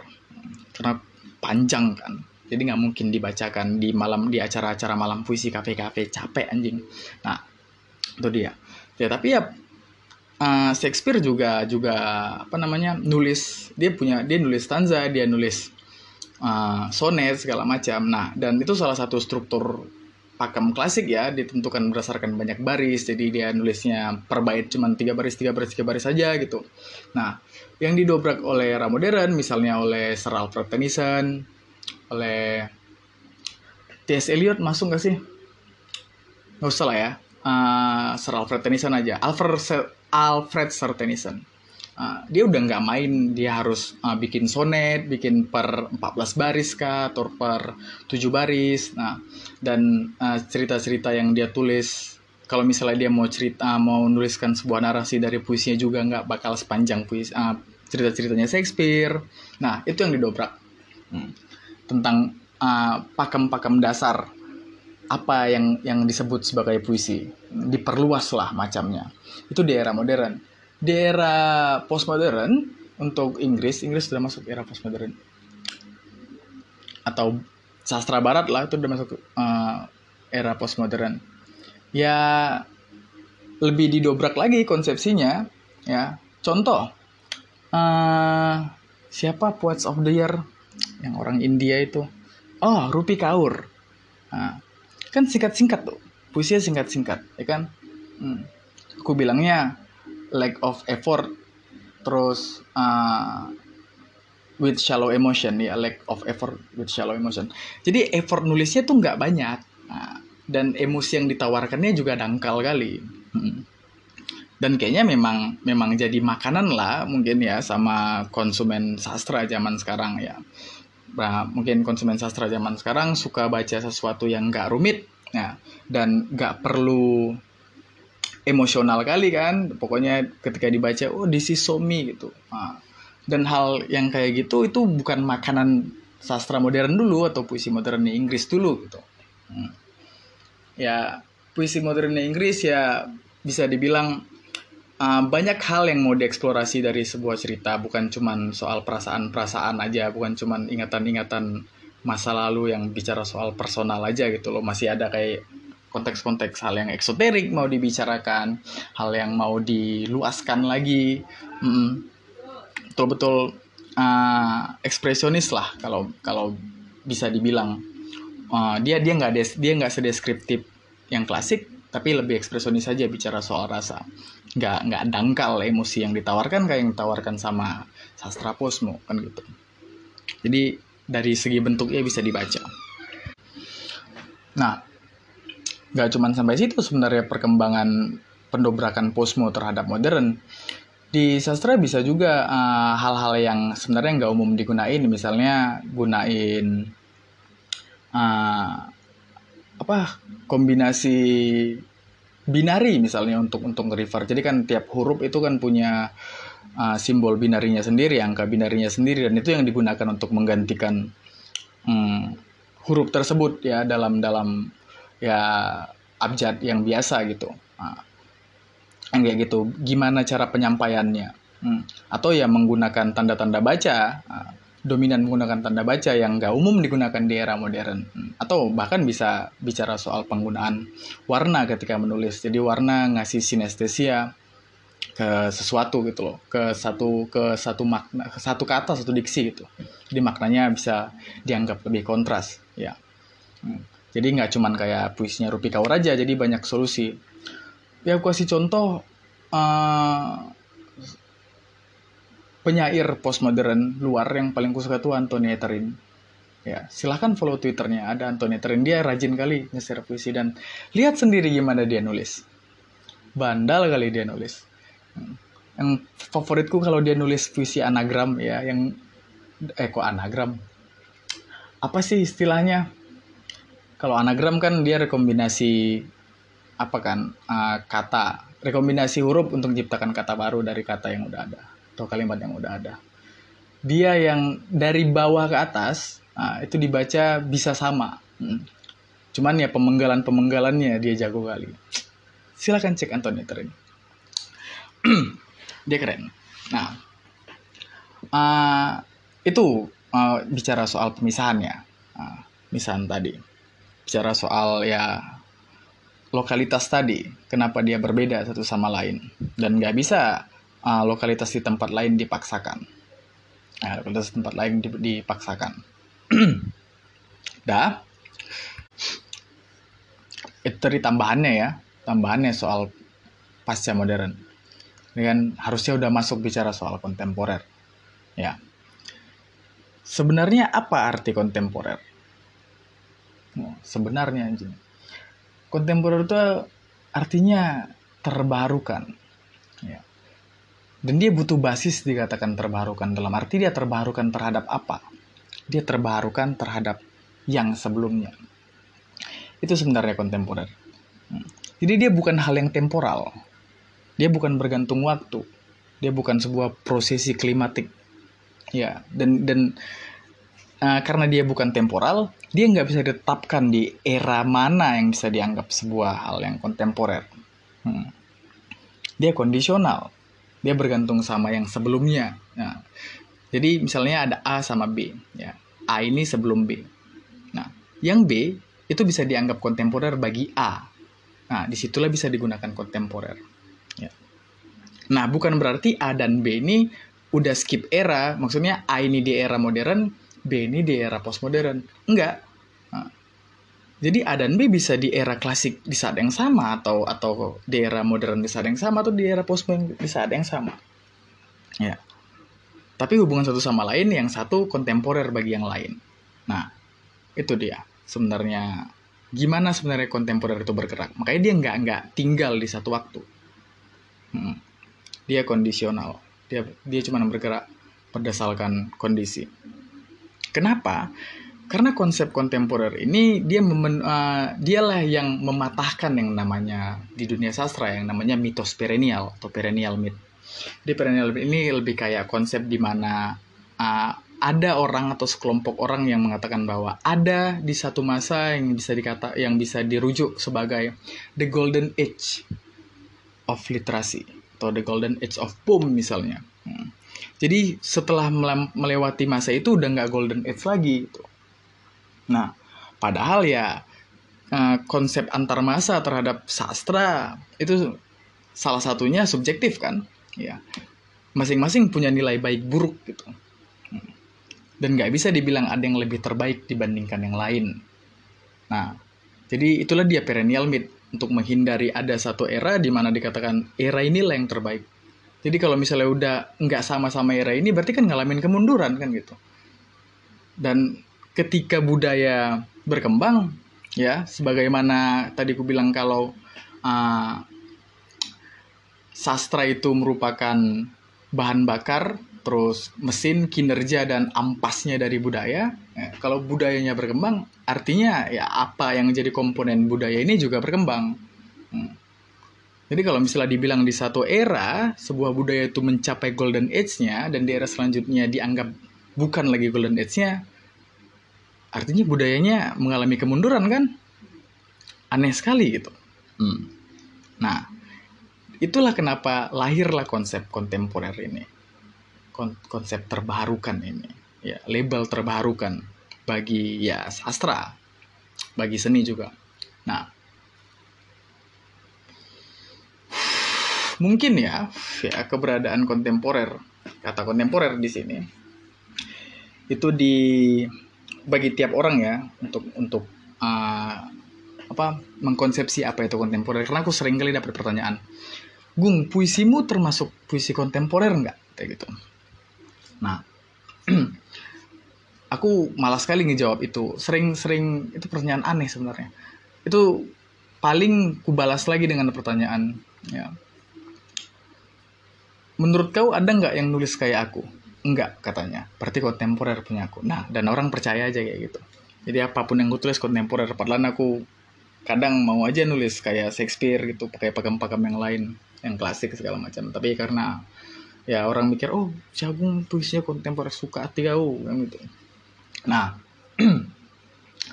itu tadi karena nggak nggak rangkum sebenarnya konsep kontemporer yang dibicarakan itu apa ya aku bilangnya aku nyalahkan kurikulum gitu loh. Ya dasarnya ketika belajar sastra di pelajaran bahasa Indonesia lah di sekolah-sekolah ketika dibilang puisi kontemporer reference pertamanya ya itu pasti Our Lord and Savior Sutarzi Kalsombari kan. Ya, dia Our Lord and Savior sebenarnya. Nah dan dikatakanlah puisinya kontemporer ya diperkenalkanlah contoh-contoh puisinya gimana gitu loh. Nah, ya bisa dibilang kalau dibandingkan puisinya Sutarji dan yang populer lainnya misalnya uh, siapa yang udah mati ya yang mati-mati ya contohnya Sapardi atau Anwar gitu kan.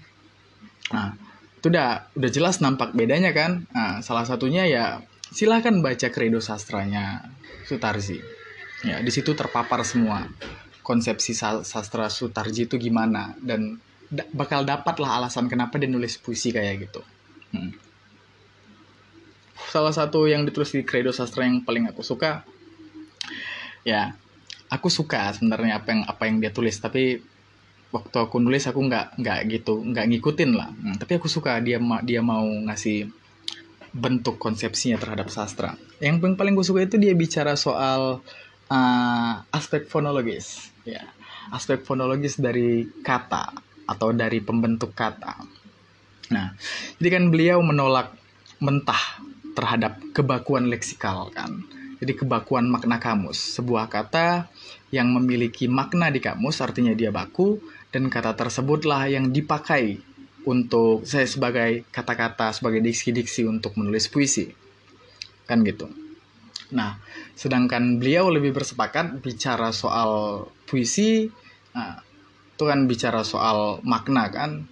Hmm, bisa aku bilangnya bicara soal sensibilitas, bicara soal kepekaan.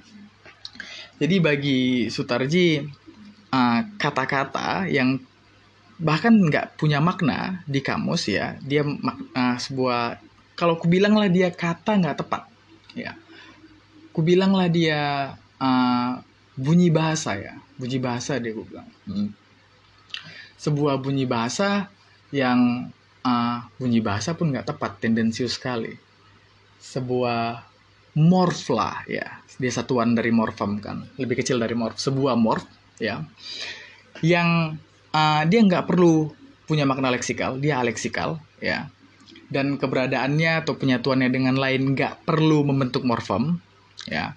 Jadi kalau misalnya dia dikasih imbuhan pun uh, apa maknanya juga sebenarnya nggak nggak akan muncul di kamus gitu loh. Dia nggak punya makna ya. Asalkan dia udah punya bunyi nah secara fonologis kan berarti fonologis seperti suara. Jadi sekumpulan uh, rekombinasi dari abjad huruf uh, menimbulkan suara. Bagi Sutarji itu udah bisa dikatakan sebagai kata bisa dipakai untuk untuk dituliskan sebagai puisi. Ya kayak uh, tragedi Wingka dan Sihka kan itu. Terus uh, yang ping di atas pong itu kan ping itu nggak punya makna kan secara leksikal tapi dia punya punya bunyi dan bunyi itulah yang yang ngedrive atau yang menyetir puisi itu ke arah mana. Nah, itu yang dipelajari di sekolah-sekolah tentang apa itu kontemporer. Nah, atau ya paling banter dikasih tahu soal uh, penggunaan topologi, ya, penggunaan topologi, topografi, ya, uh, bentuk tulisan. Hmm, kalau misalnya tulis acak atau membentuk uh, wajah segala macam, itu yang dikatakan sebagai puisi kontemporer. Ya. Ya itu cuma sebenarnya uh, pelajaran kurikulum yang kayak gitu itu cuman ngasih tahu apa yang dianggap kontemporer tapi nggak dikasih tahu kenapa dia kontemporer. Ya. Padahal kalau misalnya aku jarang kali sebenarnya dapat buku anak sekolah yang ngasih tahu tentang puisi kontemporer yang nunjukkan salah satu contohnya aku nggak ingat puisi siapa itu. Yang di puisi itu tuh gambar garpu. Iya jadi puisi ada judulnya di bawahnya gambar garpu dan puisinya isi puisinya adalah gambar garpu itu. Nah, jadi puisinya sebagai visual sebagai gambar, hmm, sebagai graf. Nah itu juga termasuk kontemporer sebenarnya dan itu puisi Indo. Aku ingat judulnya apa. Nah itu artinya uh, yang seharusnya diajarin soal apa itu puisi kontemporer ya sama kayak Ubiang tadi yang mendobrak uh, apa namanya hal-hal yang sebelumnya pakem-pakem yang sebelumnya. Jadi sebelum uh, munculnya konsep kontemporer Indonesia ya pre kontemporer ya uh, gue bilang lah era kontemporer hal-hal yang dilakukan di kontemporer itu nggak dilakukan. Tetap pada pakemnya. Jadi ketika pakem itu didobrak ya terbarukanlah dia Mm. maka dia jadi kontemporer.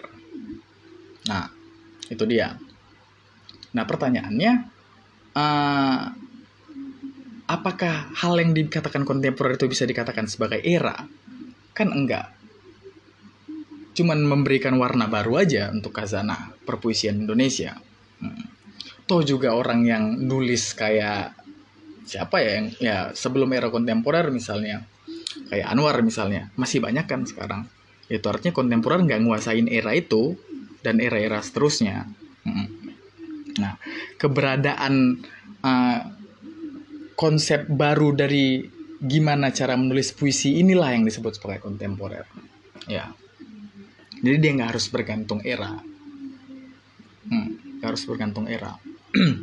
nah, toh juga apa yang dikatakan non kontemporer lah ya sebelum eranya Sutarji dan puisinya Sutarji, aku bilangnya itu di era modern sama.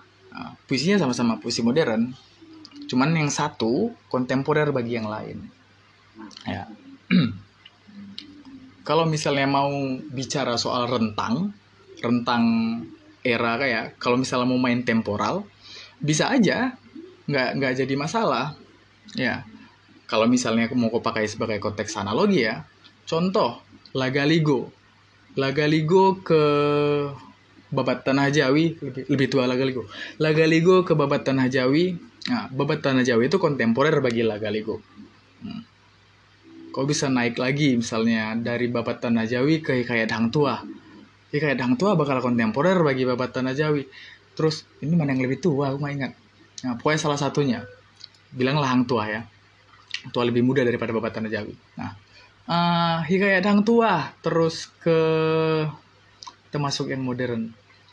Uh, binatang jalannya Kairil misalnya nah binatang jalannya Kairil bakal kontemporer bagi hikayat Hang Tua. Nah, masuk lagi kita binatang jalannya Kairil. Uh, setelah binatang jalannya Kairil, oh kayak tadi lah, oh amuk kapak. Oh amuk kapak bakal kontemporer bagi binatang jalannya Karir. Kairir, Kairil, Anwar, menilai Anwar. Ya. Kon saya itu. Nah, masuk lagi di era yang yang lebih jauh lagi misalnya dari oh amuk kapak. Uh, melihat api bekerja, melihat api bekerja bakal kontemporer dibanding uh, dibandingkan kok dibandingkan bakal kontemporer kepada Oamu Kapak kan gitu. Kalau dirujuk berdasarkan Oamu Kapak. Dan berlaku selanjutnya, berlaku selanjutnya. Kalau misalnya konsep yang ditawarkan itu baru dibandingkan yang sebelumnya, itu bisa dikatakan kontemporer. Hmm. Bahkan yang di yang dikategorikan sebagai hal yang sama kayak yang gue bilang tadi. Hmm. Kasih contoh, kasih alasan juga kenapa bisa dibilang kontemporer satu sama lain. Yang yang klasik ya, yang betulan klasik. uh, Iliad dari Homer. Itu satu, terus Aeneid dari Virgil, terus Divine Comedy dari Dante, terus balik lagi ke Shakespeare, Hamlet dari Shakespeare. Udah, ini semua ya, ini semua bisa dibilang atau dia masuk ke ranah atau masuk ke genre sastra klasik.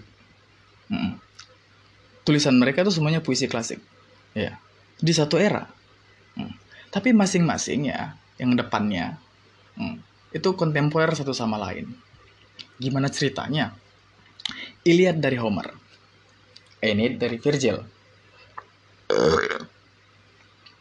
banyak kalau misalnya baca Iliad dan Aeneid pasti tahu kalau Aeneid itu ngopi Iliad kan gitu iya cuman ya karakternya beda terus struggle-nya beda tapi patternnya sama Nah, Iliad eh, Aeneid itu itu kontemporer dia bagi Iliad. Hmm. Secara penulisan, secara tek teknis, ya. Dari mana? Kalau kau baca Iliad, ya Iliad itu ditulis uh, chronological naratif aku bilang. Jadi dia dari awal sampai akhir berdasarkan urutan waktu yang sesuai dari awal sampai akhir kan gitu. Kalau aku baca Aeneid ya Aeneid itu kayak Star Wars. Ya aku bilang dia kayak Star Wars. Dia kan Star Wars itu kan tiga eh empat lima enam baru satu dua tiga kan. Nah, jadi dia alurnya uh, bisa dibilang klimaks dulu kan. Klimatik dulu 3 4 5 nah baru turun kali kan anti klimatik ke satu baru naik lagi. Satu dua tiga. Ini ditulis kayak gitu. Misal nih aku nggak berapa berapa kanto berapa bab Aeneid itu. Misalnya aku bilang ada 10 bab Aeneid itu. Nah satu dua tiga empat lima pisah sama enam tujuh delapan sembilan sepuluh. Nah putar dia. Hmm, ganti tempatnya. Jadi Aeneid, Aeneid itu ditulis 6, 7, 8, 9, 10, baru 1, 2, 3, 4, 5. Dan cara penulisan kayak gitu, kontemporer bagi Iliad untuk Homer. Udah beda pakemnya. Nah, uh, yang eranya dekat lah, Aeneid dari Virgil itu dekat sama Divine Comedy dari Dante. Nah, ya Dante nulisnya tetap naratif ya, dia nggak dibalik kayak Virgil. Tapi bedanya apa? yang yang bisa dianggap hal yang kontemporer di Divine Comedy hmm, terhadap Aeneid self insertion namanya.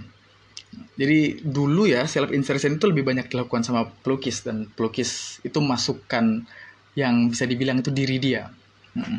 Di dalam lukisannya sendiri. Yang paling kusuka itu Botticelli yang waktu dia ngegambarin soal kelahiran Yesus ya yang di mana semua karakter di lukisan itu ngelihat Yesus baru yang di paling sudut kanan bawah ya paling dekat sama frame itu ada orang nengok ke arah uh, ke arah yang yang yang ngelihat lukisan itu ya jadi ke arah audiens cuman dia yang lihat dan itu Botticelli dan Botticelli masukkan uh, dirinya ke lukisannya itu namanya self inversion dan Dante ngelakuin itu dan karakter Divine Comedy kan Dante dirinya sendiri dan itu belum pernah dilakukan di era-eranya Virgil. Itu dia. Makanya Divine Comedy kontemporer bagi Aeneidnya Virgil.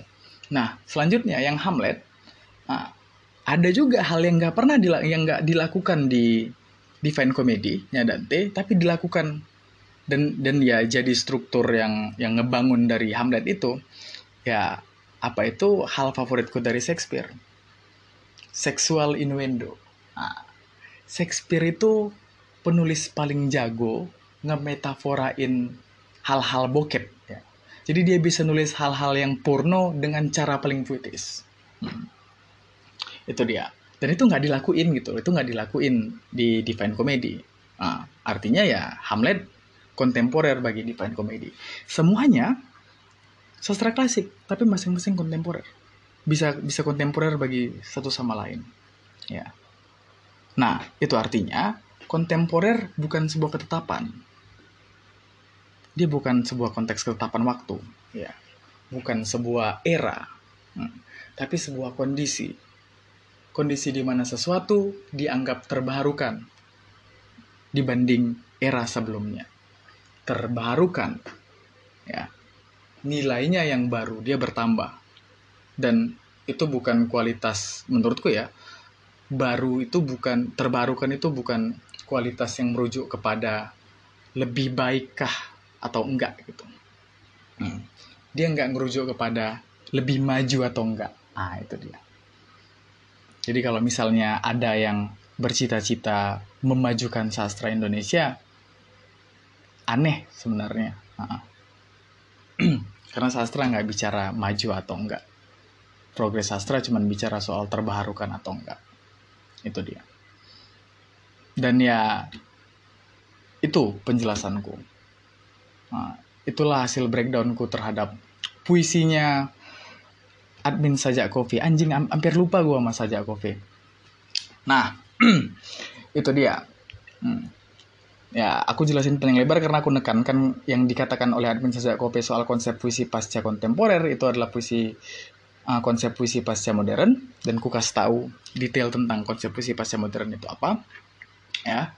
Dan satu lagi uh, kenapa aku tekankan ini bukan bicara soal pasca kontemporer kalau memang ini dianggap sebagai kontemporernya kontemporer Indonesia yang diketahui oleh orang umumnya ya soal kontemporer puisi kontemporer Indonesia ini apa bukan bicara soal itu. Kenapa? Karena tidak ada yang namanya pasca kontemporer uh, karena kontemporer bukan ketetapan ya. Jadi setelah ketetapan itu nggak ada ya. Setelah yang ditetapkan sebagai kontemporer ini itu nggak ada. Hmm. Karena ya setelah kalau misalnya lah ada yang kita bilang kontemporer setelah kontemporer ini apa? Dibilang pasca kontemporer ya dia kontemporer bagi yang kontemporer itu kan. Berarti dia kontemporer juga. Nah sedangkan yang kontemporer itu udah hilang lah makna kontemporernya. Makanya nggak ada yang namanya pasca kontemporer. Kontemporer akan terus kontemporer. Nah nah. Tuh.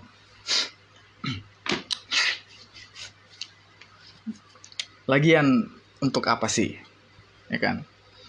Punya cita-cita mengembangkan sastra.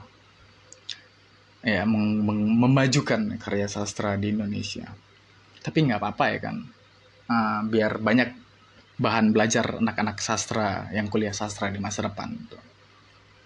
nambah kazanah ya kan? nambah kazanah info. Mulia mulia tetap. Tetap tujuan yang mulia. Tapi walaupun mulia kalau misalnya aku diajak kau mau nggak ikut memajukan sastra? Kau kan suka nulis kau mau nggak memajukan sastra? Enggak anjing. Aku cuman mengontol-ngontol puisi orang nah, kalau misalnya itu dianggap sebagai kontribusiku memajukan kazana sastra ya udah apa hmm, terserah terserah. Nah itu dia. Jadi ya pada akhirnya puisi sajak kopi ini uh, masih menimbulkan ya beberapa udah udah udah ku coba breakdown ya tapi uh, problem terbesarnya adalah di apa frasa konsep puisi pasca kontemporer ini, ini yang yang lumayan bikin struggle ya. Uh, pasti ya pengamat-pengamat puisi, kritikus-kritikus puisi, aku yakin kali kalau oh, ini yang mana ini, ini yang mana ini, ini harus kita cari ini jawabannya itu, harus kita cari kepastiannya kan. Nah itu dia. Jadi karena masih rambang ya makna puisi yang diberikan oleh uh, kopi sajak kopi ini ya nggak aku bilang kalau mungkin ya pengetahuanku lah yang nggak cukup ya kan untuk untuk betul-betul bisa nge-breakdown ini semua. Atau aku memang nggak dapat informasi yang lebih banyak ya. Toh aku belajar segala sesuatu tentang puisi cuman modalku baca ya kan aku nggak punya modal untuk studi S2 dan S3 di luar negeri gitu kan. Nggak ada duit beli tiket ke Trinidad Tobago soalnya. Nah itu dia. Dan aku baru tahu sih sebenarnya uh, ada maksudnya ada yang betul-betul kontras kaum kaum posmo dalam bicara tentang progresi sastra gitu. Ya. Dan ya sebenarnya ketika aku tahu bahwa ada kaum kaum posmo yang punya effort yang besar bicara soal sastra.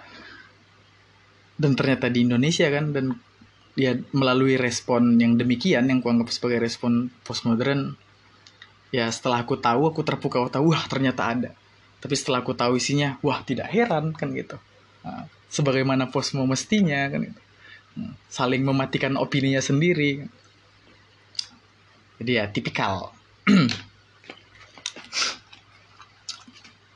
oh ya kalau aku bilang mematikan opininya sendiri lebih bicara soal uh, apa yang dibawa sama sastra posmo sendiri gitu.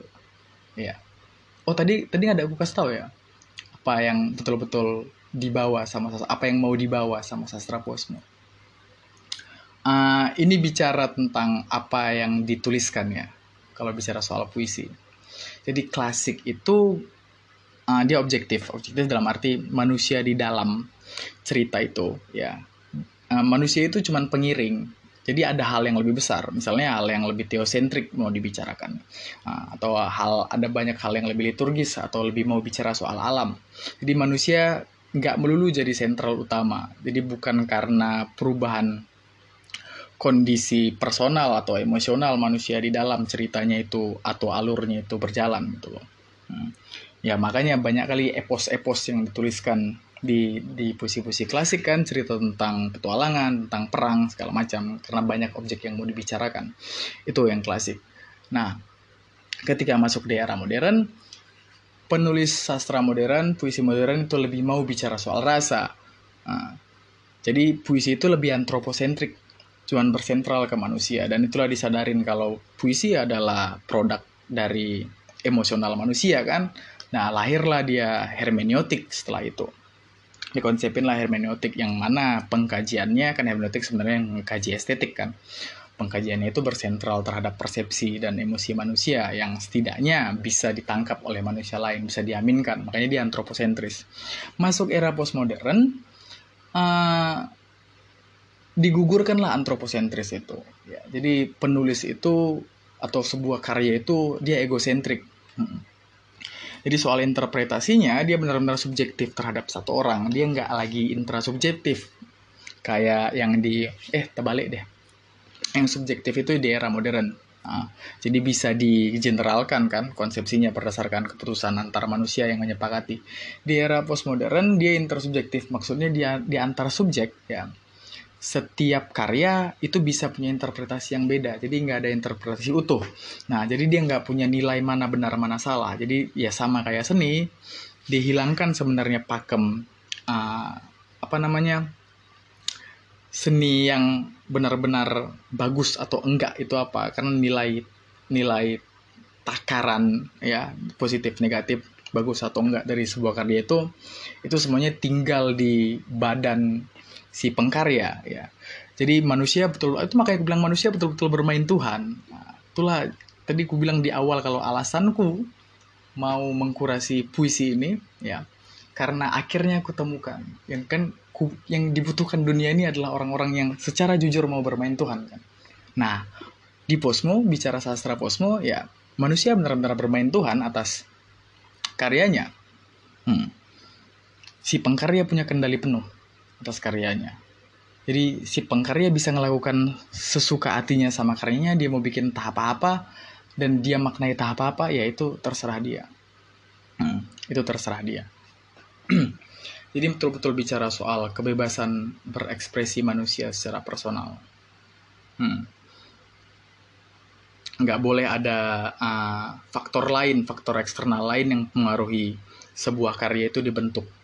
Nah, kemurnian itulah yang mau dikampanyekan Posmo terhadap sebuah karya. Jadi nggak ada lagi nilai uh, mana yang terbaik, mana yang enggak. Hmm Kenapa? Karena semuanya spesial kan. Semua karya spesial. Padahal kalau semuanya spesial nggak ada yang spesial kan gitu. Nah, kan mematikan satu sama lain. Biasa posmo. Nah, itu dia. Oh, yang bisa dianggap kontradiktif dari hal yang kayak gitu ya, di, dari konteks kebebasan berekspresi pengkarya terhadap sebuah karya ya. Nah, itu bicara soal orientasi honor. Ya, lupa aku ngomongin soal ini tadi belum ku jelasin kalau kan cita-citanya cita-cita idealismenya puisi nggak boleh ditulis berorientasi honor kalau ditulis berorientasi honor ya akan maju sastra nah uh, apakah hal ini ya merupakan salah satu pakem yang diberikan oleh sastra posmo? Aku pernah baca soal ini tapi nggak sebenarnya tujuannya bukan ke arah sana bukan ke arah puisi yang ditulis tidak berorientasi bukan ke arah sana tapi lebih ke arah kayak gini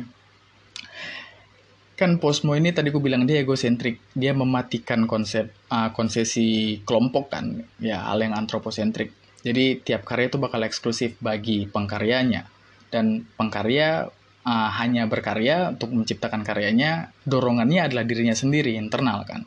Sedangkan uh, soal honor ya monetasi itu kan faktor eksternal kan. Nah, jadi aku pernah baca kalau ja, uh, menghindari kon, uh, konsep monetasi dalam berkarya dalam arti jangan sampai ya mendapat bayaran itu yang mendorong seseorang untuk menulis karena itu aspek luarnya, aspek eksternal kan, dia pengaruh eksternal. Nah, pengaruh eksternal itu dianggap bisa menghambat hmm, kebebasan berekspresi yang harusnya keluar dari internal, ya. Nah, jadi kebebasan berekspresi dalam menulis itu dalam Posmo dia meledak keluar. Jadi kalau misalnya ada hal-hal yang eksternal dari dari luar, ya kayak uh, kebutuhan atas uang misalnya, honor tadi, nah, ketika dia masuk ke dalam, kan harusnya ini lepas nih, malah kesumbat dia. Nah itu anggapannya. Jadi bicara soal honor, bicara soal faktor eksternal dan faktor eksternal itu nggak cuma uang gitu loh. Nah, bisa fame, ya kan? bisa retweet nah itu dia jadi orang nggak bakal bebas nggak bakal lepas berekspresi. Nah sebenarnya arahnya ke sana. Ya bukan bicara soal orientasi. Kenapa? Karena kalau misalnya bicara orientasi gimana kalau misalnya ada orang menulis ya yang dari internalnya nah, dia dari internalnya mau bikin puisi yang bisa dimonetasi. Internalnya kayak gitu. Jadi memang dari internalnya tujuan monetasi itu bukan datang dari luar anggapannya bukan karena dia mau. Hmm. Tapi karena dia oh kita bicara dikotomi keinginan kebutuhan ya. Bukan karena dia ingin tapi karena dia butuh. Nah itu dia. Hmm. datangnya dari dalam. Itu gimana? Hmm. ya artinya uh, konsepsi pelepasan ya pelepasan internal di sastra posmo udah terpenuhi di orang itu. Tapi kan kawan-kawan posmo kita yang di sajak kofe menolak itu kan. Nah, makanya aku bilang dia mematikan dirinya satu sama lain. Jadi konsepsi posmo itu suicidal ya. Bisa dikonter konsepsinya dengan konsepsinya sendiri. Kayak aku suka enak melawaninya. Nah itu dia ya di sisi lain kalau misalnya memang dilarang lah ya kan dilarang secara kontekstual kayak yang gue bilang tadi ya biar nggak ada dorongan nah, dari luar biar nggak ada sumbatan dari luar ketika menulis uh, oke okay, kita aminkan hal kayak gitu ya. Ya aku bilang aja lah apa namanya orientasi akan uang itu nggak datang dari internal memang dia eksternal.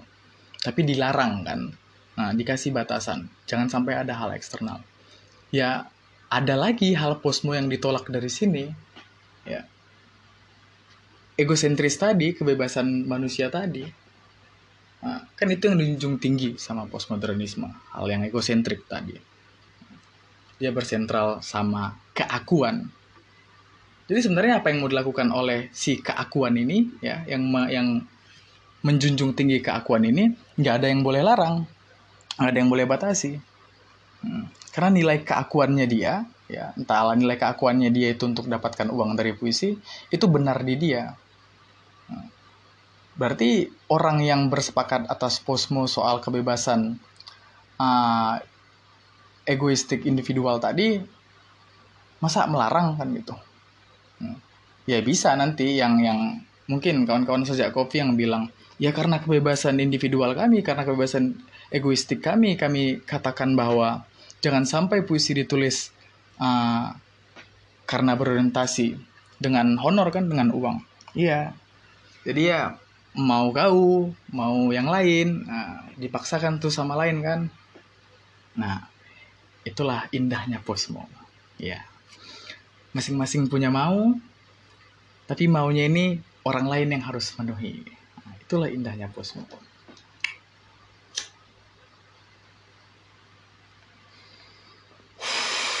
dipaksanya orang ngistong dia ya kan? Ngisap totong dia dipaksa. Paten lah. Eh sebaik-baik posmo adalah posmo yang pandai autovelasio aku bilangnya ya sebaik-baik posmo adalah posmo yang pandai ngisap totong sendiri. Puaskan aja diri sendiri ya.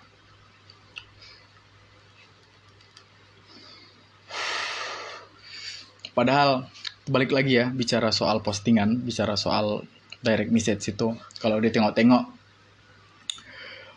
admin saja Kofe itu bisa ngasih edukasi yang lebih persuatif kan kalau memang mau nginfluence soal posmo. Toh juga pada akhirnya setelah ini kontroversi minta maaf kan itu. Di mana kebebasan berekspresinya kok tiba-tiba minta maaf? Ini puisi ini yang dikirimkan DM ini puisi bilang.